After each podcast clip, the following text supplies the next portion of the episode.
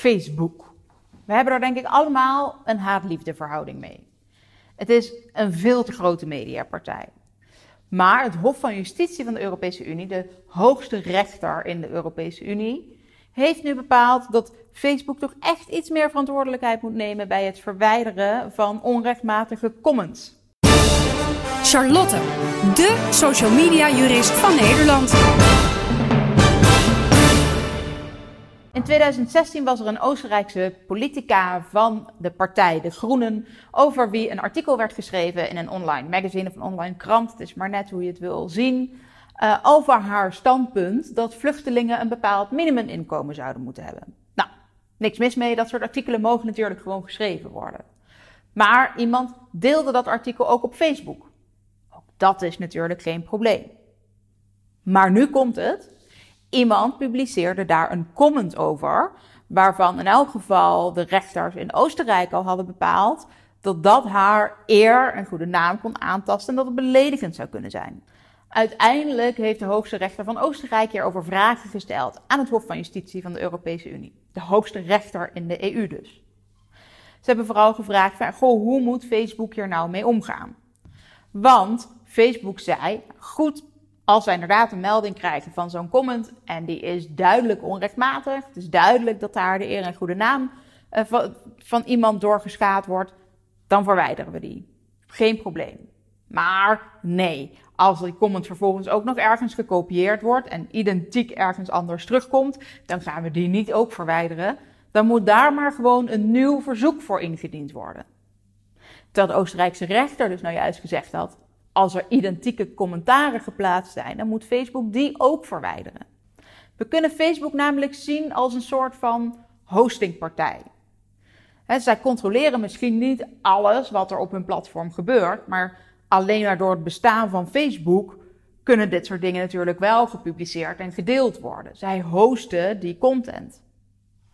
Zij hebben daardoor, door Europese wetgeving, een bepaalde hostingaansprakelijkheid.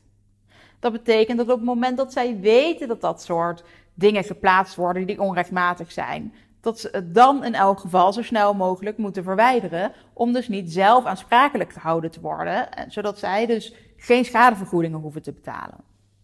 Als zij onrechtmatige content toch laten staan, terwijl ze ook weten dat het bij hen op het platform staat, dan zijn ze dus ook aansprakelijk voor die content. Nou, dat wil Facebook natuurlijk niet. De vraag was nu dus aan het Hof van Justitie: is Facebook ook aansprakelijk voor comments die dus in eerste instantie hè, van ze het niet controleren, maar die identiek zijn aan commentaren waarvan we dus weten dat ze onrechtmatig zijn, omdat dat op een bepaalde manier al zo bepaald is, moet Facebook dus die andere commentaren ook verwijderen.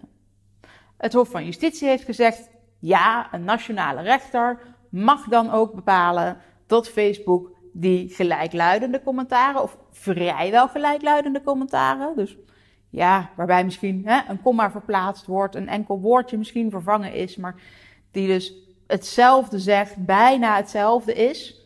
Dus niet op een totaal andere manier verwoord, maar echt bijna dezelfde verwoording gebruikt. Dan moet ook dat commentaar verwijderd worden. Facebook heeft dus een soort actieve plicht om alle commentaren die identiek zijn of bijna identiek zijn te verwijderen. Op het moment dat ze weten dat die eerste onrechtmatig is.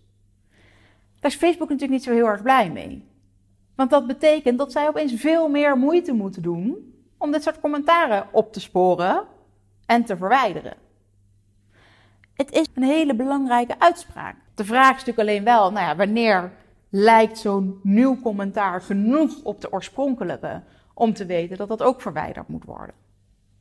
Deze hostingaansprakelijkheid zegt trouwens ook wel iets over de zaak van John de Mol tegen Facebook over de nepadvertenties. Op 11 november 2019 komt daar het vonnis van en dan zal ik daar ook een nieuwe video over maken.